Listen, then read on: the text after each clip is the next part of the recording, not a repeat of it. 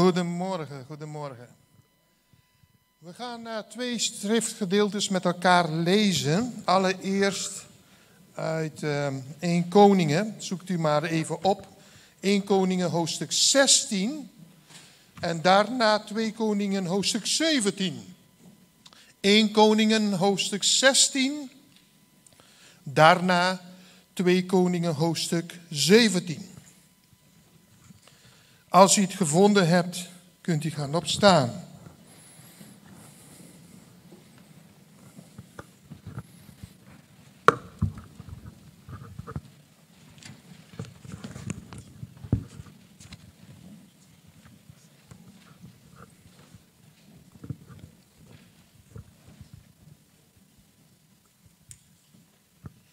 In Koningen hoofdstuk 16 daar wil ik lezen vanaf vers 23.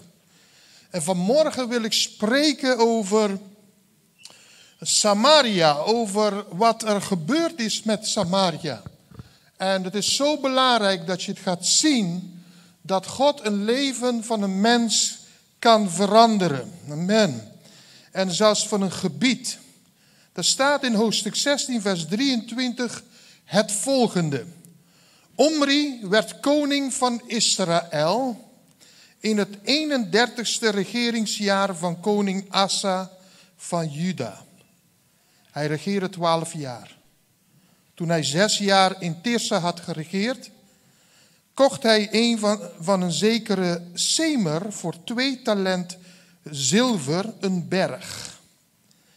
Hij liet er huizen op bouwen en noemde de stad die hij liet bouwen Samaria naar Semer, de vorige bezitter van de berg.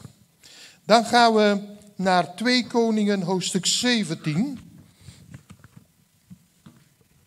En dan lezen we vanaf vers 24. 2 Koningen hoofdstuk 17 vanaf vers 24.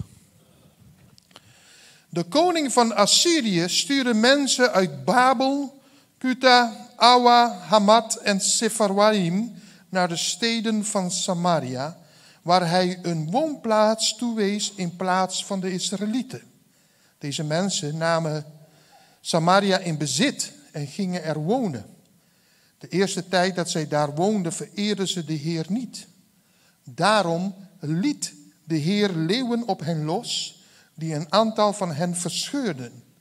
Men zei tegen de koning van Assyrië: de volken die u naar Samaria hebt overgebracht om in de steden daar te gaan wonen, zijn niet op de hoogte van de regels die de God van dat land heeft gesteld. Nu heeft hij leeuwen op hen losgelaten, omdat de mensen de regels van de God van dat land niet kennen en die, die hebben al een aantal van hen gedood.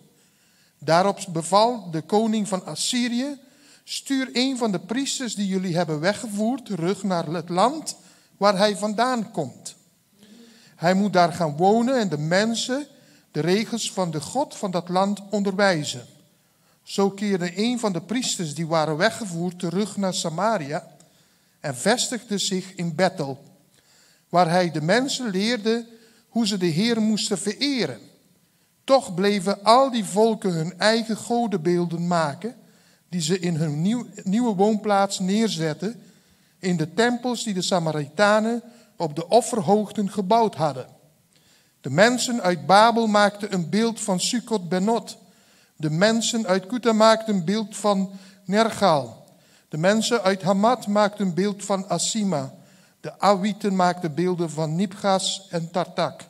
En de Sepharwieten verbrandden hun kinderen als offer voor goden Adramelech en Animalech.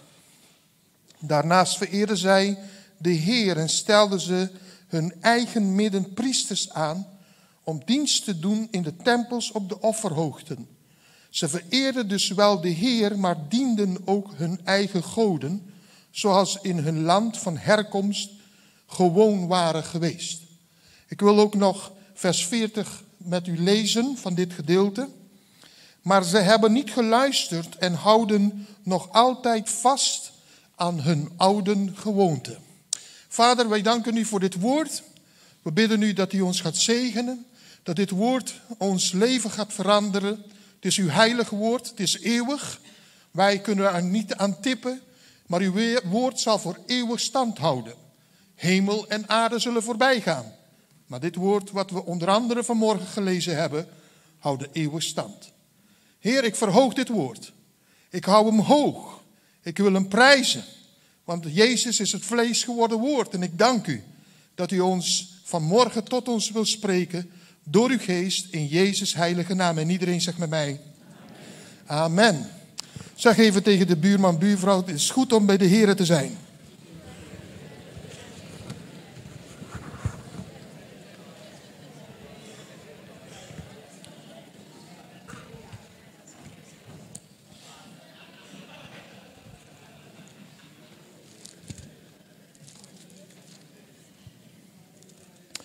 De Bijbel leert ons in dit gedeelte eh, van 1 Samuel of 1 Koningen hoofdstuk 16, vers 23 en 24, het ontstaan van een gebied dat heet Samaria. En de mensen die daar wonen, die werden Samaritanen genoemd. Het is niet een, het is niet een stad, het is niet een dorpje, het is een vrij groot gebied. En zometeen zult u ook een en ander gaan zien op de op, het beeld dat wat Samaria eigenlijk is. Want Samaria is best een, een groot gebied. En ik zal u meer vertellen over dat wat er gaande is, nog steeds gaande is in de, dat gebied van Samaria. En hoe Joden staan ten opzichte van de Samaritanen. En hoe Samaritanen opkijken tegen de Joden op. Het is heel belangrijk om te weten dat dit gedeelte wat de Bijbel ons vertelt, een beginpunt is van een heel gebied. Het was een, een koning, Omri, en hij kocht een, um, voor twee talenten eh, zilver. Eén talent is 34 kilo. En twee talenten, dus 68 kilo zilver, heeft hij betaald voor een berg dat, waar Semer woonde. Een grote berg. Er werd gewoon zo betaald. En zo werd het verkocht. En toen heeft hij huizen op laten bouwen. En toen het gebouwd werd, toen groeide dat gebied steeds meer. De Bijbel vertelt ons dat omdat Semer, die man Semer heette, werd ook Semer Samaria. Dat is het beginpunt van dat gedeelte. Op zich toen nog niks mis mee, want het ging redelijk goed. Maar toen kreeg in 722 voor Christus het volk van Israël bonje, ruzie, oorlog met Assyrië. Assyrië is een groot macht. En voor twee keer zijn um, hele grote machten, rijken binnengedrongen binnen de landsgrenzen van Israël. In 586 voor Christus had je de bekende Babylonische ballingschap, waar Daniel onder andere over gaat en Zerubabel en Nehemia. Maar andere gedeeltes, de 722, dus eerder dan 140 jaar daarvoor, werd uh, Assyrië een grootmachtig rijk. En Assyrië, om uw beeldvorming te geven, Assyrië is een stuk van Syrië, huidige Syrië, een stukje van Turkije, het zuidelijk deel van Turkije, en een gedeelte boven bij Irak. Dat gedeelte, dat enorme grote gedeelte, was het rijk van de Assyriërs. Later werd Syrië, ook kreeg die zijn stads, landsgrenzen. Maar in die tijd werd Syrië geen Syrië genoemd, het werd Aram genoemd. De Bijbel noemt Aram het gedeelte waar het huidige Syrië nu is. Even kijken, komen de beelden nog, broeders? Maar het mooie daarvan is is dat wat wij kunnen zien hier in dit gedeelte, en daar ziet u daar wat tekeningen, of in ieder geval mooie platen van Israël, topografie Israël in de tijd van de Heer Jezus. Dan zie je Samaria in het midden, Galilea daar, daarboven, daar waar de Heer Jezus ook dat gebied heel veel gewoond heeft en rondgewandeld heeft. En Judea aan de zuidelijke kant, nou, en dat valt eigenlijk in het gebied waar Jeruzalem ook is. Juda, Judea, dat is een heel gebied. Is een stam. Maar Samaria, dat gebied. Er is nog een uh, andere beeld, de volgende. Dan zien we dat het niet meer werkt. Oh ja, hier komt die Palestina in de tijd van Jezus. En Palestina is niet de naam van Israël. Zijn de Romeinen die Israël die naam Palestina hebben gegeven. Het heeft niks met Palestijnen te maken, want Israël heeft niks met Palestina, met Palestijnen of Filistijnen te maken. Of die, want die mensen, die, die, um, de keizerlijke rijk, vond Israël een heel opstandig, vervelend uh, volkje. En daar moesten ze er weinig van hebben. De Egyptenaren konden niet hebben van herders met schapen. Dat vonden ze vervelend. Maar de, de Romeinen konden Israël ook niet hebben. En ze gaven de naam Palestina. Nogmaals, niets mee te maken met de Palestijnen. Maar dan zie je daar Samaria. En dan zie je dit, dat um, uh, in het gebied ongeveer in de helft van Israël. Er is nog één beeld dat we kunnen zien, zo'n kaartje. En daar kun je het beter zien. Dan zie je ook de gebergtes die omhoog komen. En Silo daarboven, je kunt het op verschillende manieren schrijven. Silo met de H aan het einde. Je kunt de Silo zonder H schrijven. En je kunt het Silo zo uitspreken zoals S-H-I-L-O. En dan heb je dus Samaria daar. En dan zie je Bethel. En dan zie je Jeruzalem, Bethlehem enzovoort. Hele belangrijke Bijbelse plaatsen. Dus in dat gebied, in Samaria, heeft Omer een berg gekocht voor 68 kilo zilver. Hij betaalde dat en aan Semer. En Semer heeft gezegd: Oké, omdat je me betaald hebt, mag jij deze grote berg in Samaria kopen. So far, so good. Niks mis mee, hij heeft netjes betaald. En in die tijd kochten ze gewoon stukken land. En dat heeft David ook gekocht. In, in Jeruzalem heeft hij ook een stukje grond gekocht. Dorsland van de Jebusieten. En daar heeft hij ook netjes voor betaald. Zo ging die, dat in die periode. Nou, als we teruggaan naar wat de Bijbel ons vertelt in 2 Koningen hoofdstuk 17. Dan wil ik je graag vragen of u de Bijbel openhoudt en dat u meekijkt naar dit verhaal, want het heeft ons heel veel te vertellen. Ondertussen, ik heb er niet het hele gedeelte gelezen, maar als je hoofdstuk 17 goed doorneemt, dan zie je dat het volk van Israël in zonde leefde. En niet alleen de Samaritanen hoor, want de mensen bij in Jeruzalem ook. Iedereen zowat leefde ver van God.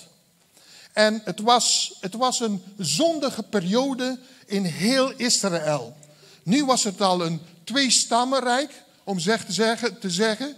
De tien stammen van Israël aan de bovenkant en de twee stammen Juda en Benjamin aan het, in het zuiden. En we hebben kunnen zien in dit gedeelte dat ook in de Samaritanen, de mensen die bij de berg woonden, de berg Semer, ook in zonde leefden. God stuurde de Assyriërs op hun af. Er kwamen dus een, in 722 kwamen ze de landsgrenzen van, van Israël binnen. En daar hebben ze, um, nou, huis gehouden daar zeg. Daar hebben ze de mensen weggehaald. Daar hebben ze mensen gedood. Ze hebben mensen gedeporteerd naar Assyrië. En het verhaal vertelt ons dat ze, dat de koning van Assyrië mensen, zijn mensen, stuurde naar Samaria om te gaan wonen. Hij haalde dus het land, het, de streek helemaal leeg en hij stuurde zijn eigen mensen om daar te gaan wonen. Maar die mensen, die leefden ook in zonde, gingen hun eigen goden aanroepen, gingen eigenlijk zowel het Joods geloof aanhangen en hun eigen afgoden af aanhangen. Het werd eigenlijk een milkshake van dat is niet te drinken. Het werd een cocktail van alles en nog wat. Een beetje Joods geloof, een beetje uh, afgoederij en alles bij elkaar werd het een verschrikkelijk drankje. En mensen, mensen leefden heel ver van God af. En andere plaatsen in Israël gebeurde dat ook. En Toen liet God leeuwen los. Hij liet leeuwen los. En God gebruikt dat wel eens vaker. Leeuwen. God gebruikt zelfs demonen in zijn macht. In 1 Samuel hoofdstuk 16 lezen wij dat Saul eigenlijk zo speelde met de Heer dat op een gegeven moment hij niet in de gaten had dat de Heilige Geest weggestuurd werd en dat de Heere een boze geest had gestuurd naar hem. En hij raakte dus bezeten. Hij ging rare dingen doen. En deze Samuel, oh, Saul had dat niet in de gaten. En de Heere had macht over de boze geest. De boze geest kwam niet uit het wezen van God, want God is heilig, God is rein, maar God heeft wel macht om te zeggen tegen boze geesten: ga naar links of ga naar rechts. En dan moeten ze maar doen. En zo zond hij een boze geest naar Saul toe. Maar de Bijbel leert ons dat God ook um, heel veel dingen gebruikte. Denk maar aan de, aan de leeuwenkuil van Daniel. Dat Daniel daar zat, lag, stond, liep. En al die tijgers en leeuwen daar waren. En ze niemand raakte of likte hem. Ze lieten hem met rust. Maar toen Daniel eruit ging en de soldaten daar binnengebracht werden, dan werden ze voordat ze de grond raakten al opgevreten door de leeuwen.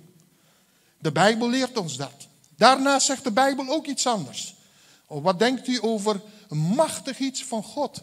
Dat Sadrach, Mesach en Abednego, de drie vrienden van Daniel, in het vuur geworpen werden. En dat deze drie vrienden eigenlijk ook liepen en ze zagen een vierde en samen wandelden ze in dat vuur.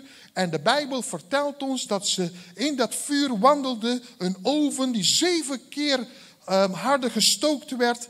En er was geen stukje haar, geen kleed, niks verbrand. Maar toen ze eruit kwamen, hebben ze de soldaten erin gegooid. En voordat ze het vuur aankwamen, waren ze al verteerd door de hitte. Lieve mensen, God gebruikt situaties. En hier in dit gedeelte kan me zo voorstellen dat God zei: leeuwen, tijgers, en nu daar naartoe, naar Samaria. En ze verslonden mensen, aten mensen op. En toen zeiden de Assyriërs, de God van Israël en dit en dat kwamen. En toen zei de koning, stuur een van de priesters die in ons land is, gedeporteerd is, in ballingschap is, stuur die priester, een hoge priester, naar Samaria. Zo gezegd, zo gedaan. En die priester die kwam naar Samaria.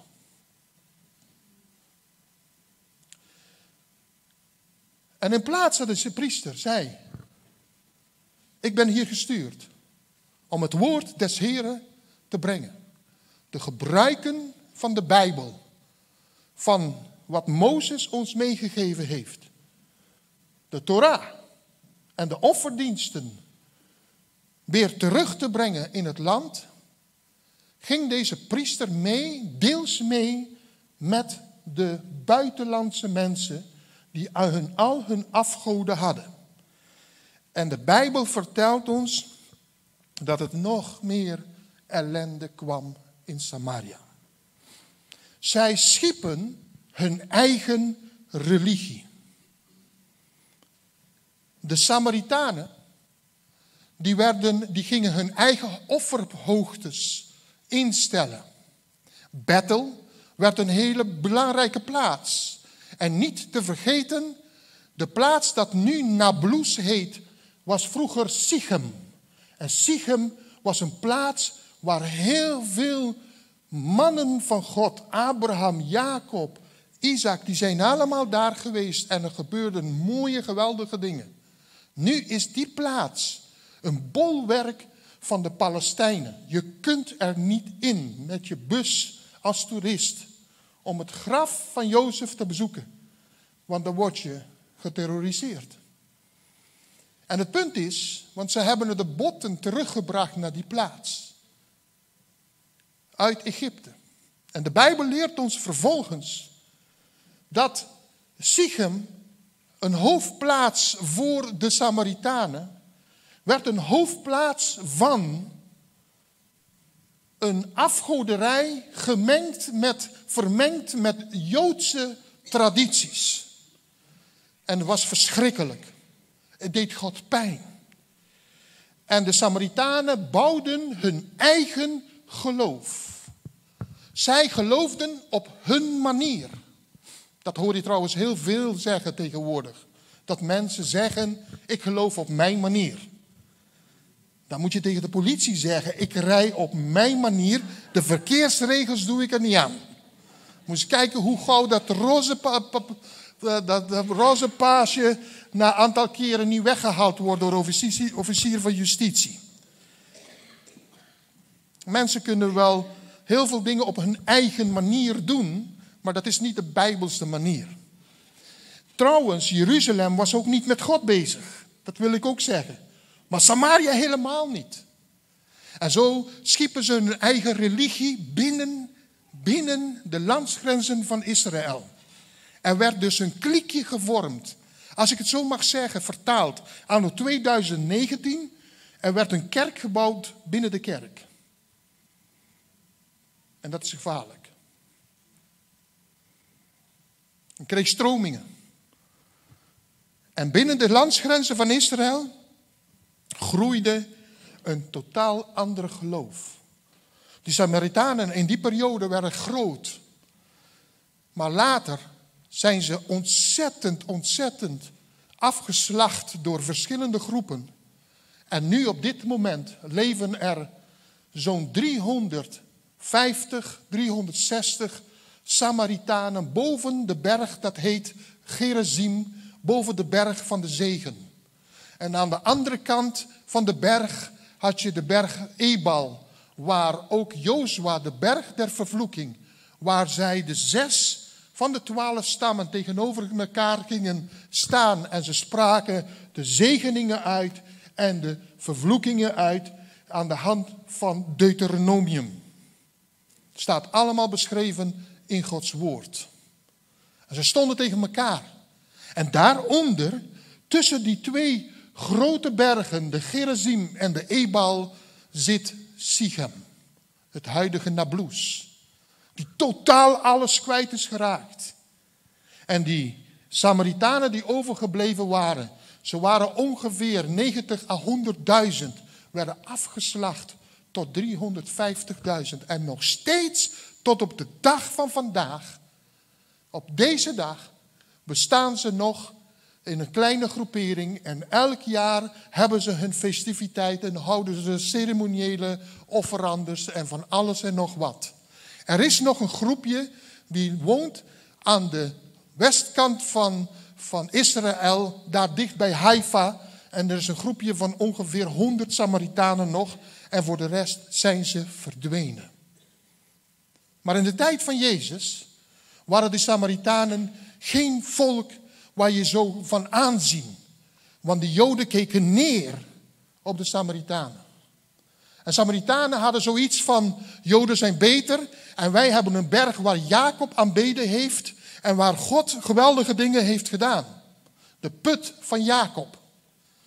En Jezus heeft nooit, let op lieve mensen, hoe fout ook Samaria en de Samaritanen ook waren, nooit, maar dan ook nooit negatief gesproken over Samaritanen.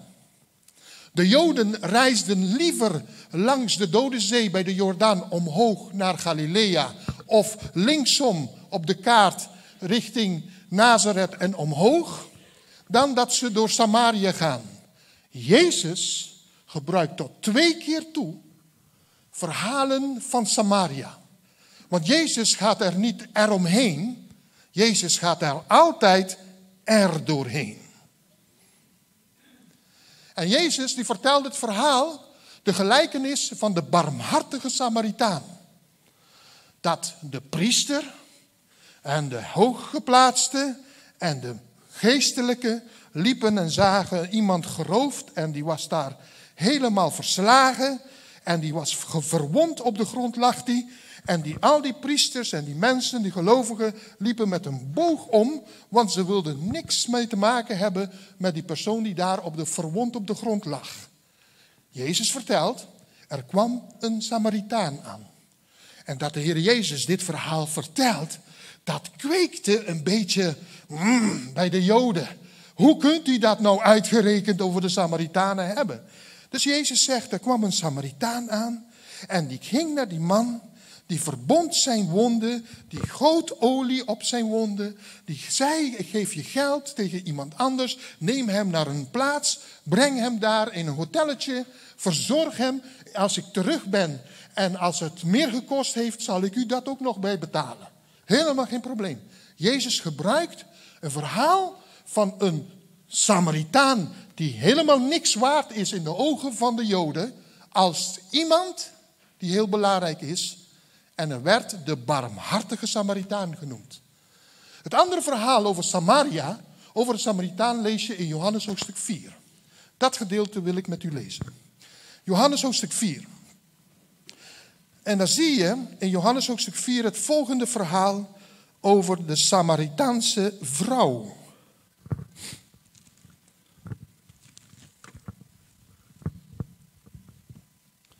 De Samaritaanse vrouw.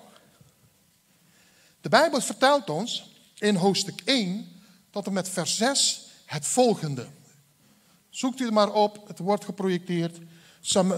Johannes hoofdstuk 4, vers 1 tot en met 6. Daar staat geschreven, toen Jezus hoorde dat aan de fariseeën verteld werd dat hij meer leerlingen maakte en er ook meer doopte dan Johannes. Jezus doopte overigens niet zelf. Zijn leerlingen deden dat. Verliet hij Judea in het zuiden van Israël en hij ging naar het noorden, naar Galilea. Daarvoor moest hij door Samaria heen. Zo kwam hij bij de Samaritaanse stad Sigar. Vandaag, aan de dag, is het een stad naast Sichem Nablus. Het is ongeveer, Sigar is ongeveer zes kilometer van Sichem vandaan. Dicht bij een stuk grond dat Jacob aan zijn zoon Jozef gegeven had, waar de Jacobsbron is. Jezus was vermoeid. Zelfs Jezus kan moe zijn. Van de reis en ging bij de bron zitten. Het was rond het middaguur. En toen, toen kwam een Samaritaanse vrouw. Het verhaal spitst toe dat de Heer Jezus heel veel wist van deze vrouw. En opmerkelijk is dat de Heer Jezus deze vrouw niet veroordeelt. Ga en roep uw man. Nee, het is uw man niet. En die vijf anderen die je samen mee geleefd hebt, waren je mannen ook niet. Deze vrouw had zes mannen gehad. En Jezus, die liet haar zien dat zij levend water kon krijgen. En kon veranderen. En dat ik nooit meer, nimmer meer dorstig zou hebben.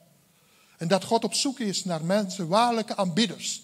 In geest en in waarheid. En de Bijbel leert ons hier in dit gedeelte dat die vrouw zo perplext was, zo perplext.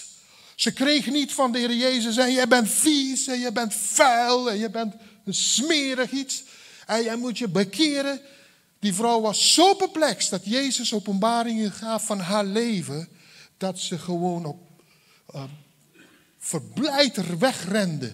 En ze ging naar de stad en in Sichem. En ze riep iedereen bij zich. En die zei, ik heb de Messias gevonden. De Messias. Hij wist van mijn leven af. Hij kon het niet weten. En hij wist het. Kom met mij. Op dat moment kwamen net die twaalf apostelen, die anderen. En die dachten bij zichzelf, hoe kan nou Jezus nou met zo'n vrouw aan het praten zijn? Dat doe je toch niet? En Jezus was in een gesprek met, met deze vrouw. Samaria. Jezus die keek niet neer naar de Joden zoals de Joden neerkeken op de Samaritanen. Want die vrouw, ik wil iets verder, vers 7. Toen kwam er een Samaritaanse vrouw water putten. En Jezus zei tegen haar: Geef mij wat te drinken. Zijn leerlingen waren namelijk naar de stad gegaan om eten te kopen. De vrouw, vers 8, 9, de vrouw antwoordde: Hoe kunt u als Jood mij om drinken vragen? Ik ben immers een Samaritaanse.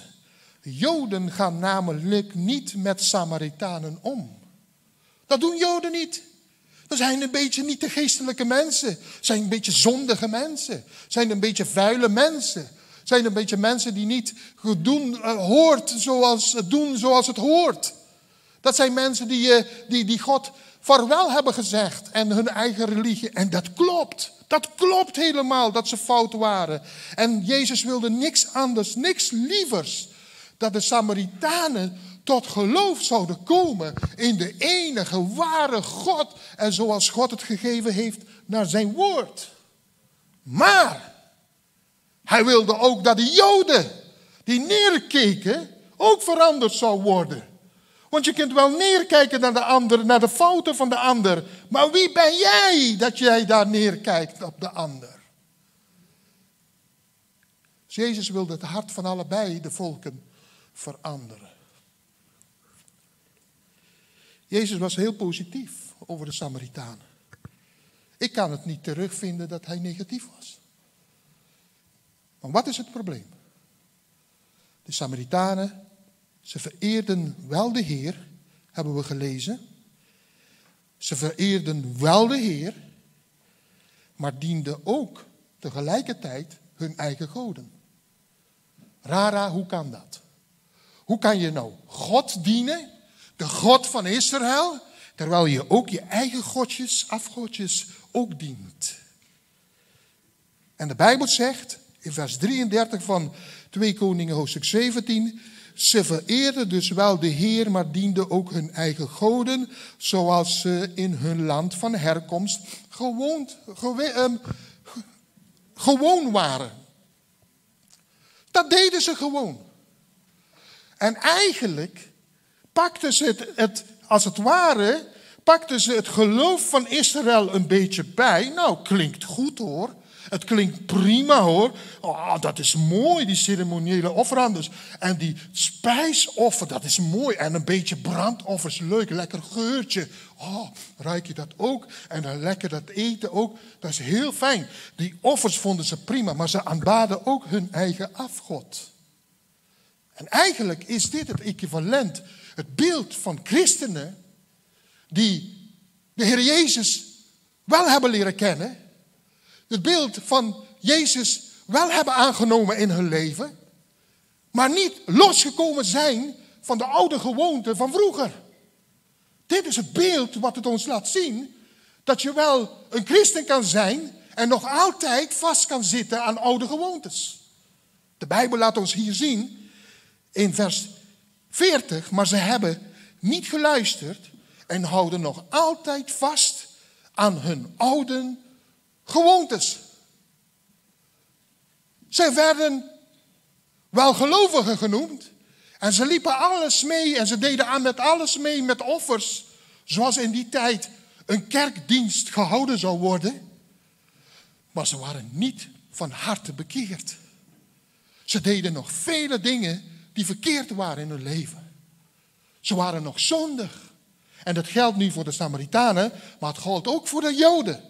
Want dat, als je dat verder leest, dan zie je dat niet alleen de Samaritanen verkeerd bezig waren, maar ook de Joden bij de tempel. Dat ze ook God vergaten. Dat ze de Heeren niet dienden. Dat ze ook offers brachten, maar alleen voor de oog van de mens. Misschien zaten ze heel vroom. Of misschien zaten ze met de handen omhoog. En ze waren springen. Of ze waren heel ingetogen. Maakt niet uit. Maar ze waren niet veranderd. En God wil dat we niet gebruiken overnemen, maar God wil dat ons hart verandert. Hij wil dat we ons bekeren en breken met oude gewoontes. Hij wil dat zondes uit ons leven weggaan. Hij wil dat we het leven van Jezus krijgen in ons. Dat als mensen aan ons zien, dat die niet zien, oh, wat een leuke keer of een leuke dame. Maar dat hij Christus in ons ziet. Hij wil dat we de vreugde van God gaan zien. Dat we niet mensen zijn die een beetje bozig, een beetje, kijk eens, ik kom eraan, hij is een heilige man. Ja, als je naar hem kijkt, dan ben je, word je bijna, bijna bang. Heb je niks aan. Kerken zitten vol met die bange maken mensen. Wat op kerk vol moet zitten is, vol van moet zitten is, van mensen die veranderd zijn door het bloed van Jezus Christus. Die nieuw leven hebben ontvangen. Dit, dit, dit, laat me niet los de laatste tijd. De Heilige Geest. Ik bid tot de Heilige Geest. Ik zoek God en ik vraag God. God, wat is zo belangrijk dat u me wil geven de laatste, deze komende tijd? En elke keer komt die tekst in mijn hoofd. De vreugde van de Heer is jouw kracht.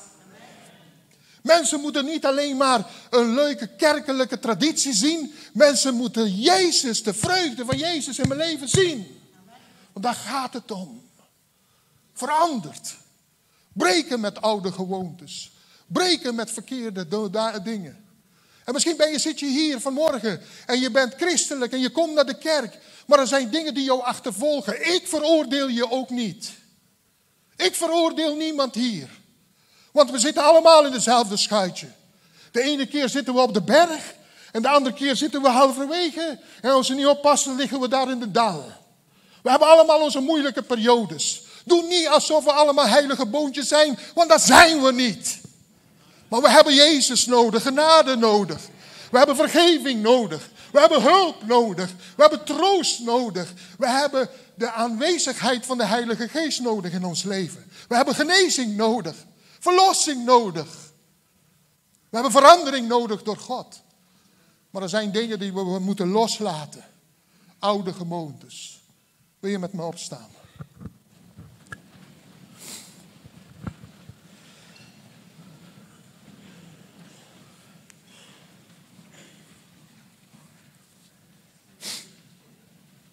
Soms laat u leeuwen los, Heer.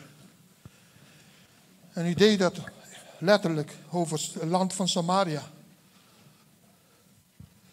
Maar wij moeten ook veranderen. We moeten niet zelf ingenomen zijn met onze religie en onze tradities. Want daar heb je helemaal niks aan. U kijkt ernaar en u misschien walgt u zelf ervan. Al onze Bijbelteksten, daar heeft hij ook in, in principe weinig aan. U wil veranderde harten liefelijke harten, vergevende harten. Harten die mensen werkelijk, dat heeft hij ook met ons gedaan. En uitgerekend met die barmhartige Samaritaan. Al die mooie priesters en, en gelovigen die liepen met een boog om. Het was net die zondige man, die vuile man die in, waar Joden op neerkeken. Net hij kwam en hielp deze verwonde man. O Heer Jezus.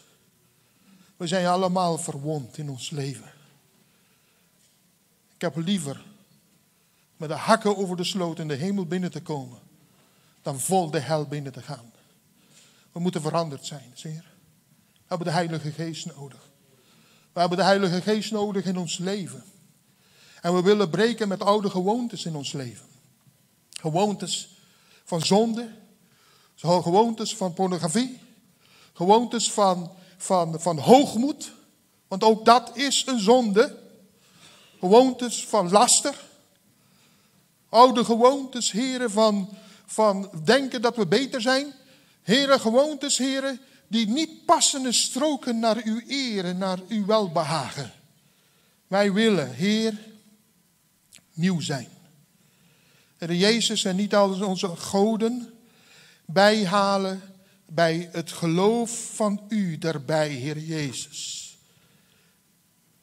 O Heer, we hebben u nodig.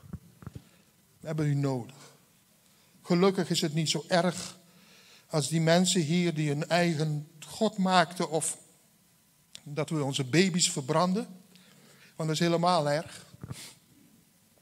Maar we weten drommels goed in ons eigen leven wat anders kan en wat anders moet. Hebben, we weten drommels goed, Heer, dat er dingen zijn, oude gewoontes, die we moeten verbreken. We, we drommels goed, Heer, wat voor afgoden in ons eigen leven is. Heer, en dit, dit heeft te maken met de verandering door het bloed van Jezus Christus. Ik bid u vanmorgen, Heer, dat de Heilige Geest in ons leven werkzaam zal zijn en dat uw kracht majestueus aanwezig is. Heer Jezus, we zijn losers als we niet breken. We zijn winnaars, overwinnaars. als we willen dat u uw kracht in ons leven openbaart.